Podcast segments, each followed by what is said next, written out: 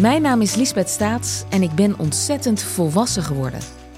Zo volwassen dat ik zomaar op het punt sta aan de tweede helft van mijn leven te beginnen. Tenminste, dat hoop ik. Maar hoe leid je dat deel van je leven dan een beetje slim en leuk? Dat vraag ik in de podcast Lang zal ze leven aan vrouwen die daar al zijn. Die dat terrein al helemaal hebben verkend en inmiddels uit een enorm reservoir aan wijsheid kunnen tappen. Ik praat onder andere met Annemarie Oster, Petra Lasseur, Annemarie Jortsma en Tineke de Nooi in Lang zal ze leven.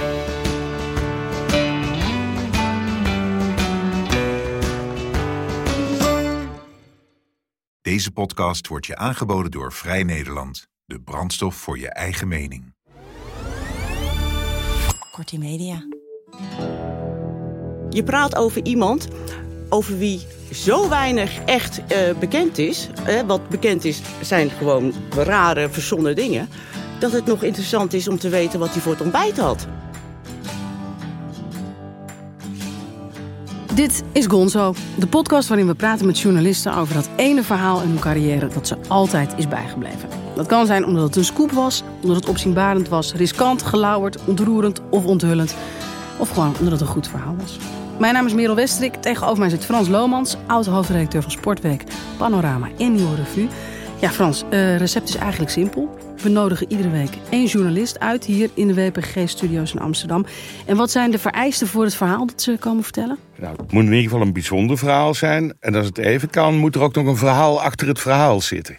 Kijk. Dus uh, dat, dat is het een beetje. Ja. Ik bedoel, zoveel eisen hebben wij niet aan het leven. Nee, het zou ook raar zijn om daar heel veel Ja. eisen aan te stellen. Uh, en Gonzo hebben we de podcast genoemd. Die naam komt van jou. Kan je toch even in het kort nog uitleggen waarom je wilde dat de podcast Gonzo heette? Heel, heel kort dan, hè. Ik was een enorme fan van Hunter S. Thompson. Een Amerikaanse journalist die uh, zichzelf tot uh, hoofdpersoon van al zijn verhalen maakte. En daarbij heel veel drugs en drank gebruikte. Wat ik fantastisch vond, want hij, hij schreef echt geweldig. En hij was een beetje de reden dat ik journalist wilde worden. Dus de naam moest Gonzo zijn, anders had ik niet meegedaan. Ja, maar je had in die tijd waarschijnlijk ook al een scheiding der journalisten, toch? De journalisten die drank en drugs gebruikten en de journalisten die wat keuriger waren? Uh, ja, ik denk dat je 80% gebruikte drank en drugs en 20% in die periode niet. Hè? Dus, uh, ik denk ja. dat wel, dat is wel veranderd, denk ik nu. Ik denk dat het nu 99% uh, is dat niet gebruikt en 1% dat wel gebruikt. Ja. We zijn in brave, uh, brave tijden beland. Ja. Frans, de journalist die we vandaag hebben uitgenodigd, die kreeg uh, dankzij een interview uh, dat ze deed een hele bijzondere ja, vriendschap eigenlijk met de man die ze interviewde. Uh, is dat jou ook wel eens overkomen? Dat een interview leidde tot een bijzondere band? Ik heb in ieder geval nog heel warme herinneringen aan André Hazes, die ik interviewde in zijn stamcafé De Plashoeve in Vinkenveen. En bij het uitwerken van dat verhaal schreef ik dat ik tijdens het interview net zoveel dronk als hij. En dat schepte zo'n waanzinnige band dat hij dacht van eindelijk is er eens een journalist die eerlijk is. En ik nam zijn muziek ook nog eens heel serieus. Dus uh, dat, dat leidde tot een bijzondere band. En uh, die ik gekoesterd uh, heb tot aan zijn dood. Want af en toe belde hij me nog wel eens op. En hij wilde niet weten hoe ik erin geslaagd was om op te houden met drinken. Wat hem dus absoluut niet lukte. Dus, en heb je hem toen geadviseerd? Heb ik hem geadviseerd en ik heb tegelijkertijd gezegd dat uh, drank te erg bij zijn leven hoorde om daarmee te stoppen. Dus, een uh, beetje een belabberd advies. Uh, drink je ondergang tegemoet. Dat heb je dat, dat, dat, dat hoorde bij hem. Maar jij deed dus aan gonzo journalism in die tijd al? een klein beetje. Ja. het was in mijn nasleep van de Hunter Thompson aanbidding. Ja. Dus later ben ik daar een beetje van afgestapt hoor. Okay. Leidde ook nergens toe. We gaan naar onze gast. We hoorden er net al lichtjes op de achtergrond een hijs van de, uh, van de vapor nemen. Uh, Josien Molleman. Hi. Welkom. Even een kort cv. In 1983 begon je in de journalistiek. Bij een nieuwe revue begon je als verslaggever. Ben je ook chef nieuws geworden. En via onder andere Margriet, Viva en Veronica Magazine belandde je bij Linda. Daar was je jarenlang hoofdredacteur van Linda Nieuws en Linda TV. En werd je ook bekroond met de vakprijs hoofdredacteur van het jaar. Klopt. Ja, Waarom ben jij eigenlijk ooit journalist geworden? Uh, nou, even kijken. Ik ben uh, in 1981 heb ik mij, ben ik naar de school van journalistiek gegaan in Utrecht. Omdat mijn toenmalige vriendje daar naartoe ging. En die wilde ook echt journalist worden. Die wilde dingen onthullen en dingen aan de kaak stellen. En uh, ik wist helemaal niet. Ik was 18, geloof ik, 19. Ja. Maar ik werd ingelood en hij niet. En dat was gelijk het einde van de verkering. Uh, maar jij ging eigenlijk alleen maar om bij hem in de buurt te blijven? Nou ja, hij ging er naartoe. Ik wist niet wat ik moest doen. Ik bedoel, in die tijd bestond uh, een jaar reizen nog niet, weet je. Ik bedoel, je, je ging gewoon weer, uh, weer wat weer verder studeren of althans verder leren. En ik was, ik was, daar ben ik eigenlijk nog steeds, maar goed, vreselijk onaangepast. En, en, en ik, zag ik, was, ik was heel erg dik in de punk. Ik zag, er, heel leuk uit. Mensen schrokken daar ook wel van, maar... Dus op zich, toen ik daar naar die school ging, uh, ja, naar die school journalistiek in Utrecht, dat was een hele vrije, vrije omgeving. En uh, ik voelde me daar eigenlijk wel gelijk thuis. Dus dat was, het was dus, uh, de, de beslissing was nou ja, niet erg wel overdacht, maar, uh, hij pakte, pakte, heel, goed pakte heel, goed uit. Dus jij ging stage lopen bij Nieuwe Revue en je bent daar gebleven. Wat was Nieuwe Revue destijds voor, voor, voor, voor tijdschrift? Het was, het was een, uh, een blad wat, uh, dat, wat heel erg van de straat was. Van, van dus de linkse signatuur. Maar in plaats van Vrij Nederland, wat natuurlijk toch elitair en afstandelijk... en dat was voor gestudeerde mensen, die, nou ja, was de nieuwe revue was van de straat en van de zelfkant en, en, en van de reportages. Het was vooral een blad van de reportage. Dus hè, we, gingen, we, gingen, we gingen de straat op. Dus we beschouwden het niet. Maar dat tenminste. We stonden ertussen echt. We stonden ertussen inderdaad. Ja. Ik bedoel, er zijn ongelooflijk veel verslaggevers. Ja, eigenlijk waren we reporters. Hè, meer. Ja. Uh, die, ja, weet ik veel. Die, die, die, die, uh, bij dakloos. Hè, de, wekenlang op de straat. Nou ja, wekenlang weet ik niet. Maar in ieder geval heel lang op de straat sliepen. Net als dakloos. Dus we deden dat, dat, dat, dat, dat participating journalism. Ja, ja gonzo journalism misschien ook wel jezelf een beetje in het artikel dus schrijven. Ik denk dat heel veel, uh, in die, uh, heel veel uh, verslaggevers bij Nieuwe Revue in die tijd dus al een soort new journalism bedreven, omdat ze het eigenlijk zelf door hadden. Ja. Josien, toen we jou vroegen om hier te komen praten over dat ene verhaal in je carrière dat je altijd is bijgebleven, wist je toen eigenlijk meteen welk verhaal dat moest worden? Nou, ik wist meteen welk verhaal bedoeld werd. Want dat is een verhaal wat me dus om het een beetje on oneerbiedig te zeggen, al 35 jaar achtervolgt. Maar wacht even, wacht even. Je mag zelf kiezen. Uh, ja, dat, ja, maar de mensen altijd heel erg, uh, of tenminste mensen, nou ja, teleurgesteld als het niet hierover gaat. Het verhaal uh, waar we het over gaan hebben, Josien, wat je gekozen hebt, is een interview van jou met Freddy Heineken. Ja. Gepubliceerd in Nieuwe Revue op 5 november 1987. Op de voorpagina staat te lezen. Exclusief een uniek gesprek met Heineken. Want wie de man voor een interview vraagt, wordt met een beleefd, doch beslist nee afgewezen. Maar jou lukte het. Laten we bij het begin beginnen. Ja. Hoe kwam het verhaal tot stand? Uh, nou, het verhaal kwam als. Uh, Dirk Sauer was toen hoofdredacteur van de Nieuwe Revue. Uh, tegenwoordig bekend als Rusland-deskundige. Ja. en die had, die had een, een, een bedacht dat wij een aantal, een aantal portretten zouden moeten, of, moeten schrijven, vond hij, over onbereikbare bekende mensen. Uh, in die tijd bestond eh, BN er nog niet, gelukkig. Maar dat waren dan onbereikbare bekende Nederlanders. Maar dan praat je dus over Willem-Alexander... of weet je wel, mensen die gewoon niet te interviewen zijn. En Freddy Heineken.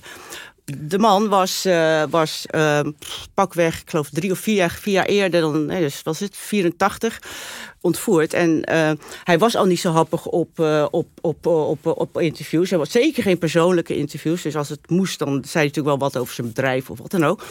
Uh, maar na, dat, uh, na de ontvoering was hij, uh, was hij totaal onbe on, onbenaderbaar.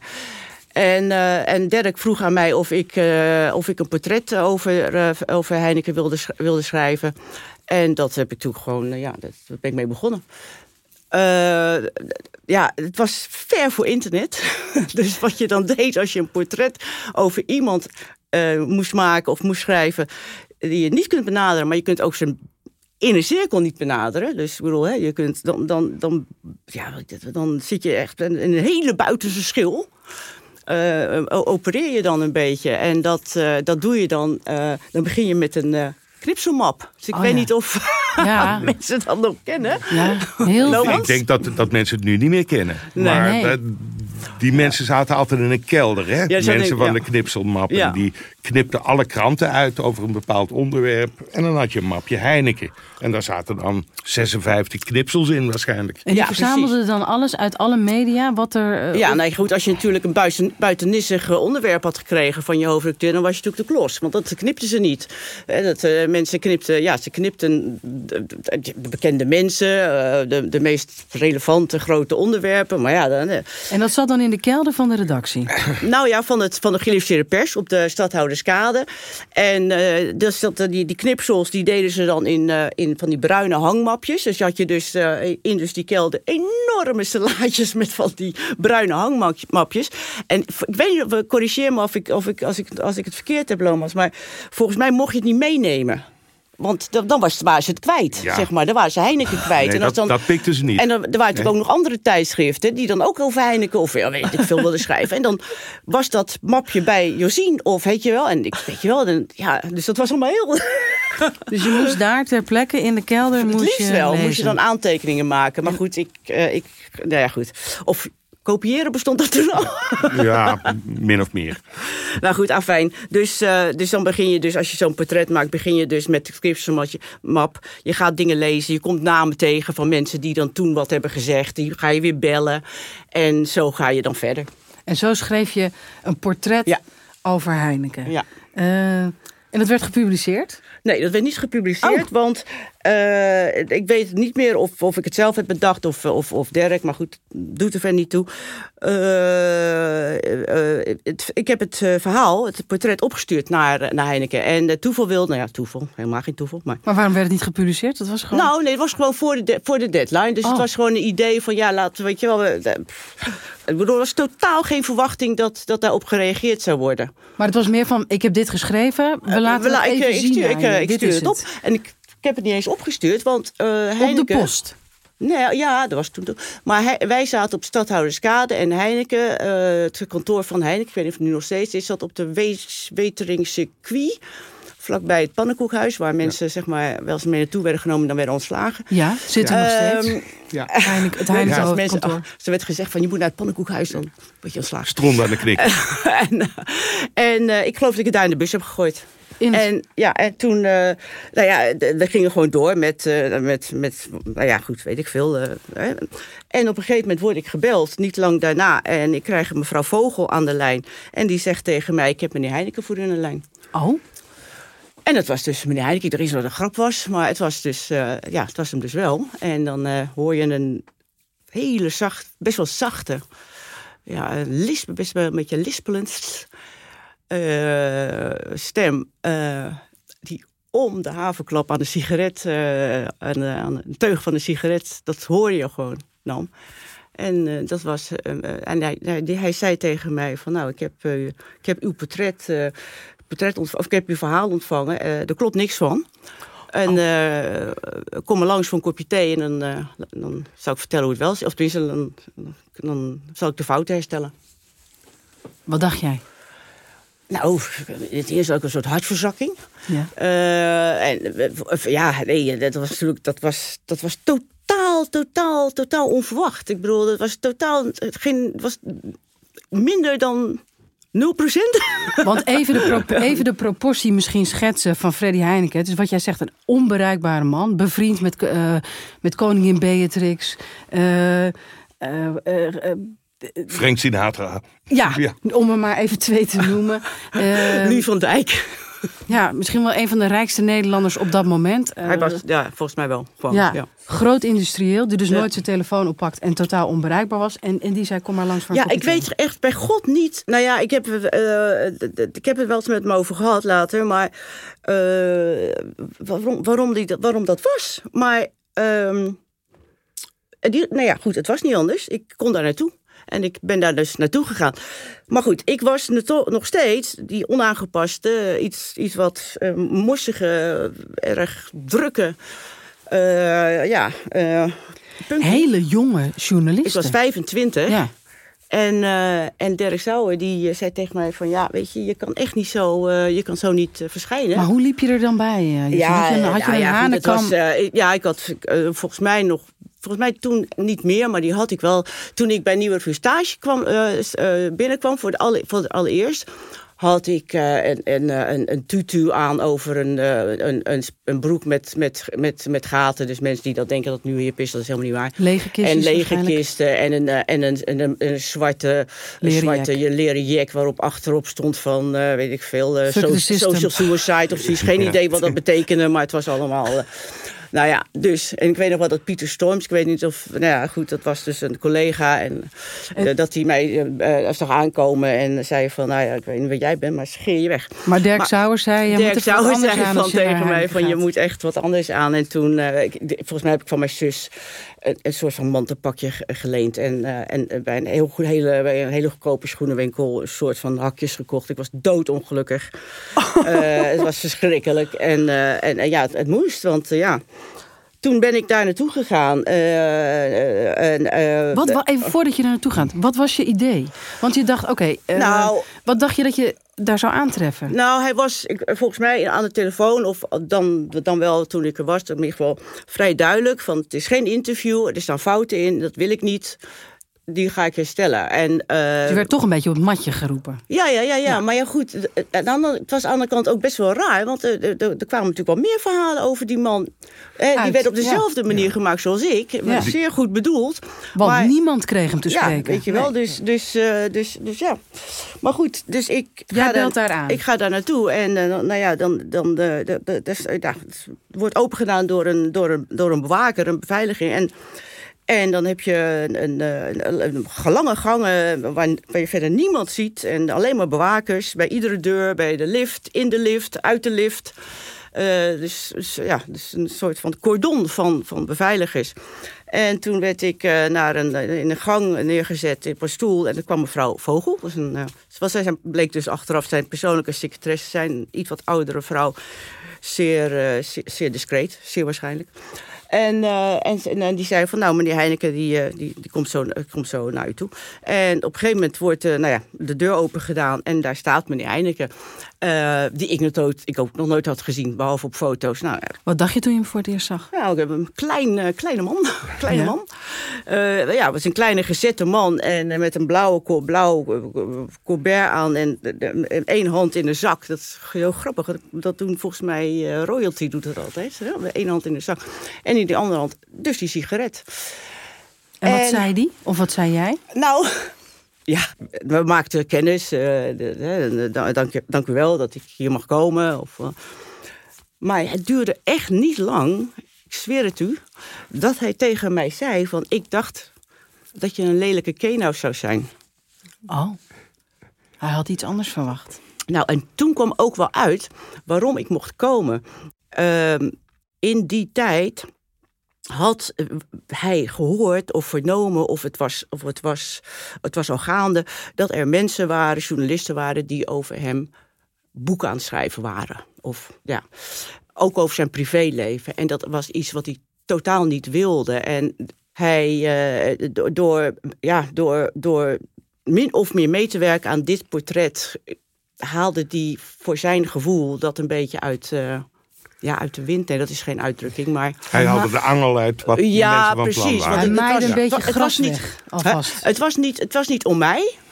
Uh, het was om de timing. Maar jullie ontmoeten elkaar. Ja. Uh, hij zegt dus, ik had eigenlijk verwacht dat je een, uh, een, een lelijke was. Ja. En jij zei, uh, nou ja...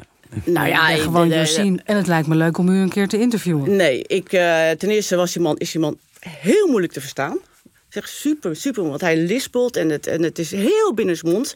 Ik heb heel vaak gelachen terwijl ik gewoon niet wist wat hij zei. Of ik... En ik was toen natuurlijk zo gigantisch nerveus dat ik het allemaal over me heen liet komen. Ik had er totaal geen controle over dat gesprek, weet je. De, de, de... Maar wat gebeurde er in dat gesprek dan? Nou, ik, ik ging zitten en uh, hij zat aan een heel groot bureau met drie telefoons en, uh, en, en uh, verder niks.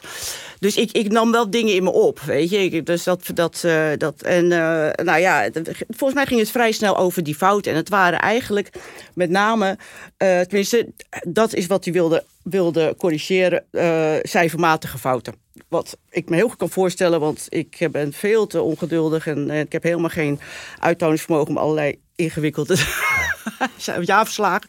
Dus die klopte niet en die wilde die dus heel graag uh, corrigeren. Maar dat deed dan eigenlijk zijn, uh, zijn, zijn financiële man, want die belde je op en die kwam langs en die die gaf mij dus de, de, de, juiste cijfers.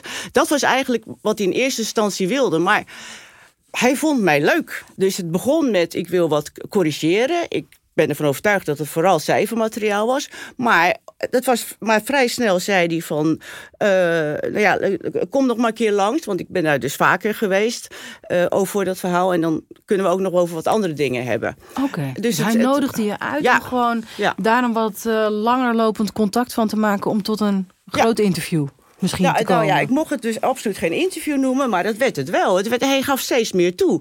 En, uh, en uh, dus het portret, dat, dat bleef, dat was er al. En daar, daar, gingen we, daar ging ik ik, volgens mij samen met de eindredacteur natuurlijk, allerlei dingen aan toevoegen. Of dingen aan, aan, aan, aan verbeteren. Want dat was super grappig. Omdat ik had, ik had een aantal mensen gesproken dat, uh, dat, dat dan beweerden dat ze hem kenden. En, en kwamen ook met anekdotes. En, uh, en, en uh, ja, en dan zei hij, dat is allemaal onzin, weet je. Dus dan zei ik veel. Uh, ja, Paul, ging... Paul Wilkink, uh, die wij gewoon. Die, er was een wapenhandelaar, die, die, die presenteerden wij ook zo. Dat lijkt me ook niet echt meer van deze tijd. Die vertelde een anekdote over de vader van Heineken. Dat hij, uh, dat hij altijd dat hij graag fietste. En dan zei Heineken: man, die man heeft nog nooit gefietst. dus dat soort dingen. Dat was natuurlijk echt hilarisch. Maar ook achteraf, nu denk je ook van hoe ongelooflijk onzorgvuldig was die tijd ook dan. Want hè, we, we, we, ja, we, we maakten continu, niet alleen wij, maar continu van dit soort verhalen. En Josien, heel even, want, oh, maar mag ik toch nog even, wat wilde jij met het interview? Want ik bedoel, uh, 1983 was de Heineken-ontvoering. Het is 1987, je bent een 25-jarige journalist bij Nieuwe Revue. Die man is nog nooit geïnterviewd uh, over die ontvoering. Was, was dat misschien ook uh, je doel? Ik had geen doel. En toen ik uh, de mogelijkheid kreeg om hem keer op keer, of tenminste voor het verhaal, te spreken, uh, was alles interessant. Je praat over iemand over wie zo weinig echt bekend is. wat bekend is, zijn gewoon rare, verzonnen dingen dat het nog interessant is om te weten wat hij voor het ontbijt had. Weet je, dus, dus uh, uh, alles, alles alles wat hij aan mij wil, kwijt wilde, was interessant. Alles. Iedere mop die hij jou vertelde was in essentie interessant. Uh, nee, maar, oh. maar, maar het feit dat hij dus moppen vertelde, ja. dat zeiden mensen ook wel. Maar niemand kon een mop vertellen.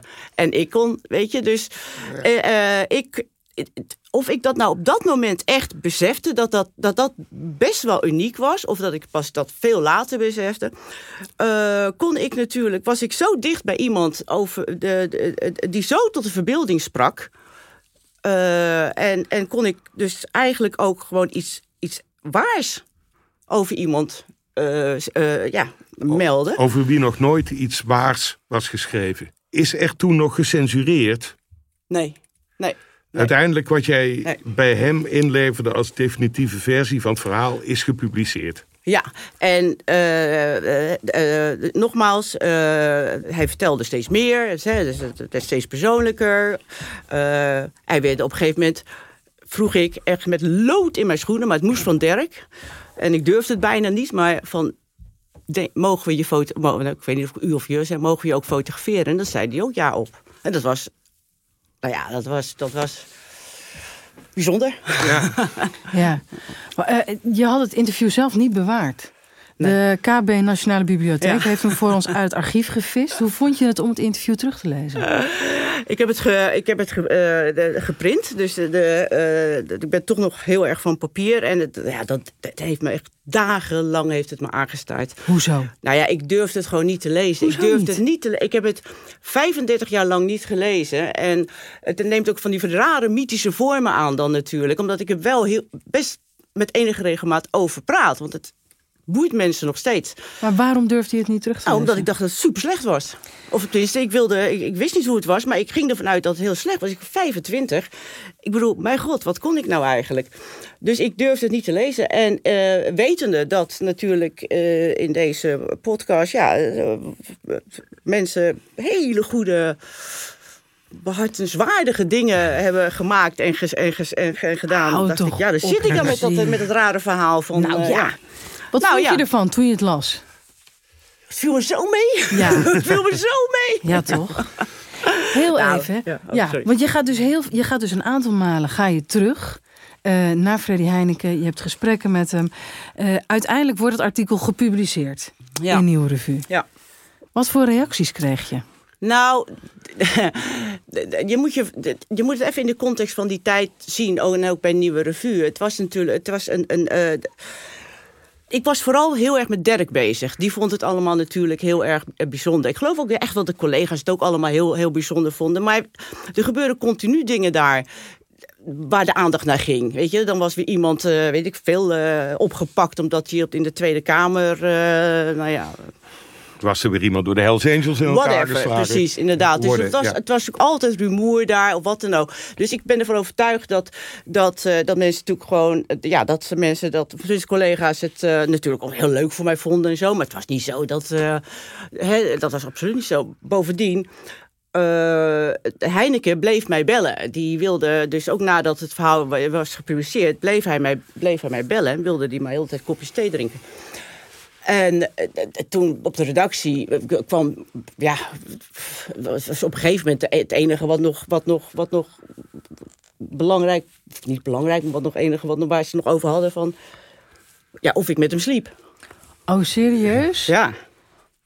Ja, dus het was, niet, het was niet echt. Het was niet zo dat collega's die hadden van. Nou, goeie, hè? Wat, Deed wat jij daaraan mee, Frans? Nee, volgens mij deed ik daar eh, wat minder mee. Ja, nou, Justine zegt ja, eh, eh, het zou kunnen. Maar, het was wel. ja. het, het was natuurlijk wel heel bijzonder dat, dat hij maar steeds belde. Ja, en Nou, het was zo bijzonder, was het niet. Want hij vond, ik bedoel, ja, het was, het was, eh, hij, hij vond mij leuk. En dat wist ik natuurlijk ook wel, dat hij mij leuk vond.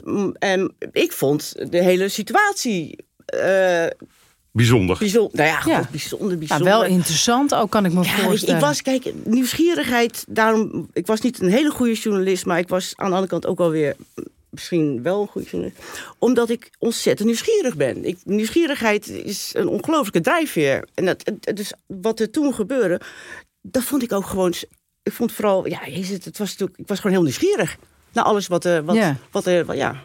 Maar dat, dat belde niet bijvoorbeeld. eh, kom langs, thee drinken. En dan was jij binnen vijf minuten bij hem. De eerste keren, dat was natuurlijk super vervelend, want die man had me alleen maar in die mantelpakjes gezien.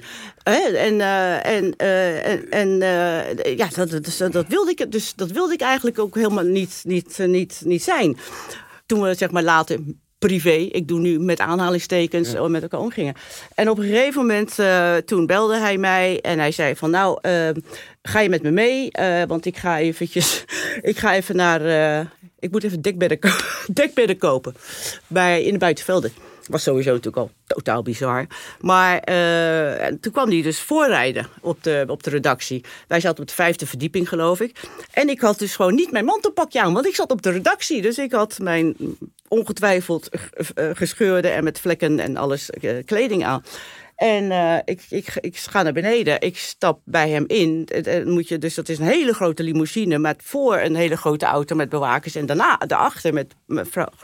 En op die vijfde verdieping staan dus al die collega's. die, staan, Ja. die staan op kijken. balkon te loeren. En ik stap in en toen... Ja, hij schrok een beetje. Toen hoor ik het dus toch dat ik dus niet... En ik geloof dat hij, dat hij wel zoiets had van... Nou, volgende keer wel weer... Een mantelpakje.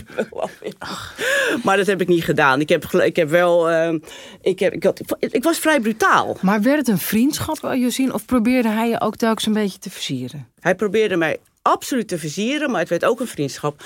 Want. eh, het was, het, ik, woonde, ik, ik woonde samen. Ik had een vriend. Ik woonde samen. Toen woonde, de Herengracht, kan ook niets aan doen.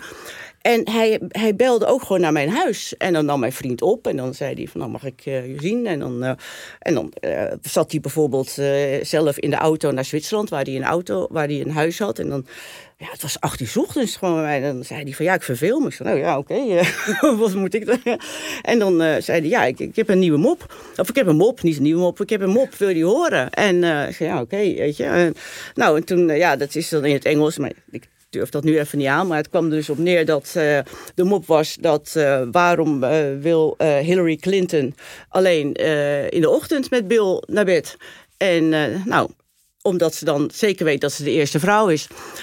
Daar moest hij vreselijk om lachen. Maar het waren dus continu van dat soort moppen. En, uh, en dat was dus acht uur s ochtends voordat ik naar werk ging dat hij belde. En dan zei ik, nou Fred, oké, okay, uh, leuk, oké. Okay.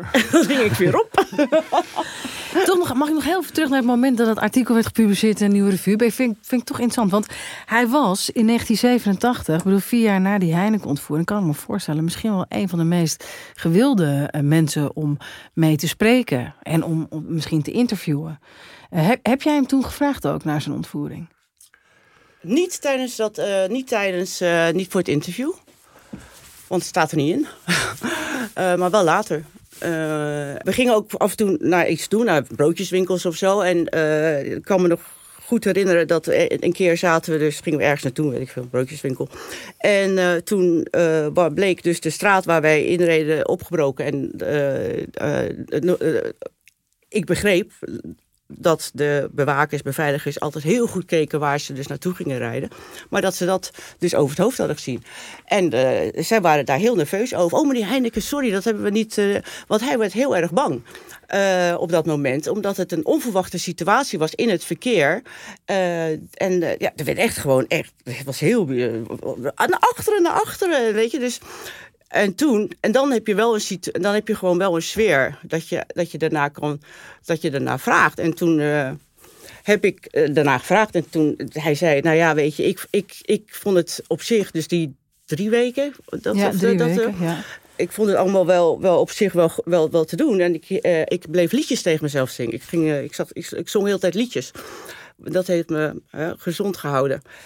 Maar hij zei, maar ik vind het verschrikkelijk erg voor, uh, voor mijn uh, voor uh, Ab, Ab. Ja, zijn chauffeur is echt chauffeur, want die is gewoon, want die is niet meer, die is nooit meer hetzelfde geworden. Nee.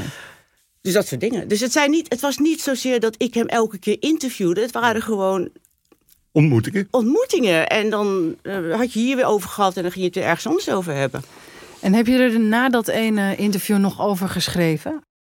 Ik? Of was het gewoon echt de afspraak van nee, we spreken af, maar je mag niet. niet... Nou ja, goed, als ik dat zou doen. Ik heb uh, nadat, nadat het interview werd gepubliceerd, een nieuwe revue, ik denk drie of vier aanbiedingen gehad van uitgevers om boeken te schrijven. Om boeken, om, ja, omdat men op een gegeven moment, ja, ja, boeken te schrijven. En dat heb ik nooit gedaan. Waarom ik, niet? Nou ja. Zo, ik vond ook maar heel veel werk.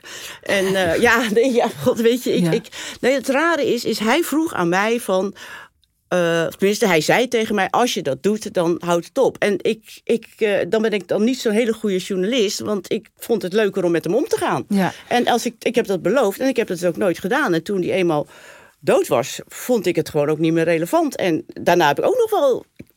Volgens mij krijg ik één keer in de twee jaar een keer, een keer zo'n verzoek. Ja. Maar het, het, het, was, ik ben daar, ja, het, het uh, nee. Ja. En waren de destijds vakgenoten misschien ook wel een beetje jaloers dat jij uh, zo'n goede band nou met ja, hem had, omdat je ik denk destijds dat, het, Wat altijd boven het hoofd bleef hangen van mij, was dat, uh, dat ik, dat ik, dat, ja, dat ik met hem sliep. Dat het dus, de, de, de, de dat ik dan toch ergens een, een, een rare golddigger-achtig type was. Je, ben, je, bent één keer uh, redelijk in, in de buurt geweest. Hè? Dat het echt op uh, een, een, bijna me-too-achtige toestand... toen je op zijn uh, kantoor kwam, hij in bed lag. Wat gebeurde er? Doe die anekdote nog even. Nou ja, ik, dus hij had weer gebeld. Van kom je kopje thee? En ik kom aan en ik word naar zijn, naar zijn privékantoor gebracht. Want er waren heel veel kantoren van Samen heeft zijn privékantoor. Prachtig grote ruimte, heel mooi Japans bureau. Ja. Van weet ik dat nog. En daar lag een brief, daar werd ik naar binnen eh, gebracht. En die man, die, de beveiliger ging weg. En er lag een briefje op het bureau van... ik ben even een dutje aan het doen, kom je me wakker maken? En eh, hij had mij als eerder gezegd dat achter dat privékantoor... daar was een appartement. En eh, dus ik ging door de deuren naar dat appartement en hij ligt, uh, ik zie hem dus, ik zie een figuur liggen in een heel groot hemelbed. Uh, en uh, onder de, de, de, dekbedden die we niet veel eerder hadden gekocht op Buitenveldert van Egyptisch katoen. En, uh, en ik, loop, uh, ik loop naar hem toe en, hij, uh, en ik, ik zit hem zo aan zijn schouders. Vet, ik ben er, ik ben er. En hij wordt, hij sliep helemaal niet. dus hij wordt, doet net of hij wakker, wakker wordt.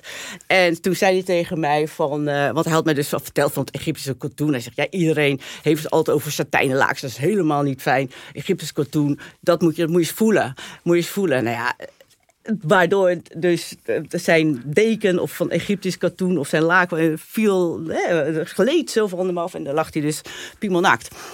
En uh, toen moest ik heel erg hard lachen. dus ik zei, ik zei, ik reageerde helemaal niet.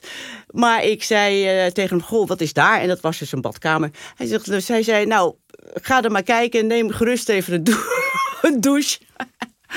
En uh, dan zie ik je zo, zo. Dus ik heb die, dat, dat, zijn dekbed over hem heen gelegd. Ik ben naar die badkamer gegaan. Nou ja, dat was ook echt crazy. En ik loop maar terug. met gouden kranen of zo? Nou, geen gouden kranen, maar het was gewoon heel erg innovatief. Het was voor het eerst, uh, waren van die hele grote douchekoppen. Maar ook uit de... Uit, alle muren? Uit, uit, weet oh, je wel, ja, nou, dat ja. heb ik nog nooit gezien. Ja, wie wel. Nee, ja. En natuurlijk, hè, het bubbelbad. En um, toen, uh, toen ging ik weer terug. En toen uh, zat hij daar dus nog steeds in bed. En toen uh, zei ik van, Fred, of Freddy, Fred, Freddy... doe niet zo raar, kleed je aan, ik ben daar en ik ga even roken. Ja. En dat is echt waar. En... maar niemand gelooft mij. Wel. Maar irriteerde je Josien dat dat de hele tijd een beetje soort boven de markt blijft hangen... dat, dat collega's dat destijds dachten? Nou, nee, toen, nou, toen irriteerde het me niet. Het irriteert me misschien nu, omdat ik het erop terugdenk. Dat ik denk van, ja, maar het is wel lekker makkelijk, weet je wel. Omdat je een jong meisje bent. Uh, en jij hebt dus dat... Je hebt dus die vriendschap, of je hebt, dan moet dat dus gewoon uh, klaarblijkelijk uh, seksueel zijn, weet je. Ja. Ik bedoel, dat is eigenlijk, dat, is, dat, dat irriteert me nu wel, ja. Dus, maar het is ook best beledigend. En het is natuurlijk hartstikke beledigend. Ja, dat, dat vind ik ook wel. Want, Want het, ja. het, verhaal begon natuurlijk weer op te dijken toen, uh, toen jij in 2018 hoofdredacteur van het jaar werd. Hè? Toen, toen gaf je een interview aan ja. ja. Mark Koster voor. Villa Media. Ja. En opeens werd jij nieuws. Ja, ja, ja, ik stond op de, op de voorkant van de story met, uh, met, met, de, met de, de, de coverkop. De rechterhand van Linda de Mol zat aan Freddy Heineken of zoiets. Uh, wat net lijkt of de rechterhand van Linda de Mol was, ja. maar het was de rechterhand. En ik ben helemaal haar recht, ik was haar rechterhand helemaal niet. Maar, dus, maar dat, dat, is, ja, dat is bizar. Dat is echt totaal bizar. Maar ik, had het, ik heb het verhaal dus wel verteld zelf. Dus ik ben Ja. er zelf verantwoordelijk voor. Dus Ja. ik had het ook nog, ja, dus het is een beetje, het is een beetje eh, huilen, eh huilie huilie. Nou, het is, het is ook helemaal geen huilie Terwijl je huilie. gewoon eigenlijk Maar- heel slim een profiel bij hem door de brievenbus hebt gegooid met een paar foute cijfers erin, waardoor hij eh, uitnodigde. Ja, ja, maar ook die, die, kijk, die, vriend, die, die vriendschap, die heeft natuurlijk ja, vrijwel tot zijn dood ge- geduurd. We hebben wel jaren gehad, periodes gehad, dat we elkaar echt wel, dat we, dat dat... Dat dat, eh, dat kopjes thee echt wel een stuk minder werd. Zeker nadat ik zeg maar kinderen kreeg. Toen werd je En- wat minder interessant. Weet ik, nou, dat weet ik niet. Maar ik, we hadden ook gewoon echt, we hadden ook een keer ruzie. En, eh, en, en eh, daarna hebben we echt best wel een, een tijdje niet met elkaar gesproken. Het was 1992, ik was zwanger van mijn eerste dochter. En er was vreselijke hongersnood wederom in Soudaan. En dat was jaren eerder bij Live Aid. Maar ik had toen het idee opgevat om, eh, om een concert te organiseren. Nou ja, goed. en ik, daar had ik, ik ging een beetje rondbellen met Ahoy en met, eh, weet ik veel, met, met artiesten. En ik had 50.000 euro, guldens, ik weet het niet Guldens. guldens nodig om het een en ander op te starten. Dus ik had nog nooit wat aan hem gevraagd. En uh, zeker niet voor mezelf. Maar ik, ik had toegang tot hem. Ik kon hem bellen. Ik kon wel, wel- weliswaar via mevrouw Vogel. Maar ik had gewoon toegang tot hem. Dus ik eh, bel mevrouw Vogel van... kan Freddy mij bellen? En ja, belde mij terug. En toen uh, vertelde ik dat. En toen zei hij van ja, ik, uh, ik, ga dat, ik heb dat geld natuurlijk, en, maar ik ga het niet aan je geven. Want uh, ik geloof niet in Afrika. Ik, ik denk dat het een verloren continent is. En dat vond ik zo harteloos. En, en, en dat, ik, dat, ik, dat ik boos op werd. Dat ik zei, nou ja, oké, okay, dan... Hè? Toen was de vriendschap heel even bekoeld. Ja. Wat is het mooiste dat je met hem hebt meegemaakt? Ja, nou ja, kijk, het was, het was natuurlijk een man vol, het was een vat vol tegenstrijdigheden. Dat was, was ik, ben ik ook trouwens, ja, wie niet overigens. Dus dat, dat vond ik altijd wel, wel, wel heel leuk. Maar ja, een keer, ik woonde dus op de, op de Herengracht, op de hoek van de Herengracht en de Amstel in de tijd. En een keer kwam die, kwam die langs, uh, of tenminste, hij belde op. En op een gegeven moment zei ik ook, had, zei ik ook wel eens van, joh, ik heb geen tijd. Ik moet mensen zoals ik, wij moeten werken voor ons geld. En toen zei hij, ja, kom even langs. En hij verveelde zich. Hij verveelde zich heel snel. En hij had heel vaak te maken met mensen die hij niet leuk vond. En nogmaals, weet je, ja, hij vond mij leuk omdat ik brutaal was en ik, ik, ik, ik gaf hem tegen, tegengas en ik, weet je, uh, volgens mij dat dat er ook mee te maken. Maar toen kwam hij dus bij mij langs op dingen. En toen gingen we dus buiten, buiten op, het, op een bankje zitten. Gewoon naar, de, naar het Amstel. Naar Amstel kijkend. Ja, dat, dat, kan ik, dat zie ik nog zo voor me. En waar hadden jullie het dan over? Waar hadden jullie het er sowieso over het algemeen over? Ja, soms ook over gewoon niks. Gewoon wat er gebeurde, wat er die dag gebeurde. Dat hij, uh, het nieuws? Of... Gewoon nieuws. Of dat hij het boek van Jan Kuitenbrouwer, dat de Turbotaal zo leuk vond. Dat... Uh, hij, hij vroeg wel heel, weet je wel, hij, wist dat ik dan samenwoonde en dan wilde natuurlijk van alles weten over mijn, over mijn vriend. En hij was natuurlijk gewoon altijd, altijd een beetje ranzig. Dus ja, het ging al heel erg snel. Als beetje je vieze normaal, moppen, beetje ze, als je normaal, ja, dus alles wat een beetje normaal begon, eindigde als heel snel of in een mop of in een, in een, in een, in een vraag van de, de, die gewoon totaal ongepast was. En liet hij zich wel eens uit over wat hij ervan vond om, om, om Freddy Heineken te zijn? Nou, hij, hij, was, hij vond het.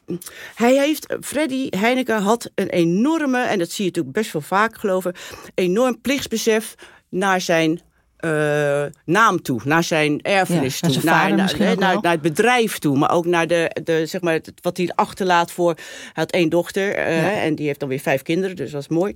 Dus daar, heeft, daar, uh, daar had hij een enorm plichtsbesef voor, over. Ja. En ging je daaronder gebukt?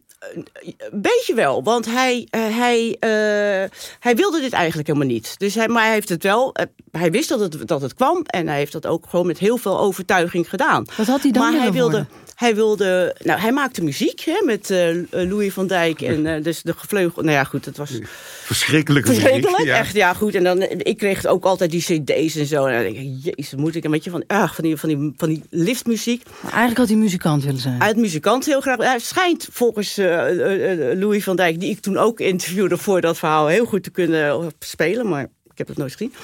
En hij. Hij fotografeerde heel graag. Hij had dus een fotostudio in, in, zijn, in dat Pentagon. Dat noemden we noemden dat, dat hele gebouw, of tenminste op zijn verdieping noemen we Pentagon. En daar heeft hij me ook een keertje mee naartoe genomen. Echt alleen maar foto's met, met, van dat snot op de lens, weet je wel. Wat vroeger zo modern was. Van dus, Zo'n soft focus. Ja, van dus uh, van de, David Hamilton of zo, weet je wel. Ja. Van dus uh, helemaal of half naakte, naakte vrouwen. En, uh, en oh, ja? ja, er komt dan ook weer zo'n opmerking van, nou, wanneer zal ik jou... Het, oh, ja. ik, het was, ik vond het allemaal super... Ja, ik vond het stom, maar ook wel weer... Dus het was grappig, maar ook een beetje... Ja, Jezus, ja. Mina zegt maar... Ja, weet je, en, en natuurlijk had ik, als het nu was gebeurd... dan had hij, had hij, was, was hij of gecanceld, of Heineken wat nooit meer gedronken... of was in het gevangen beland.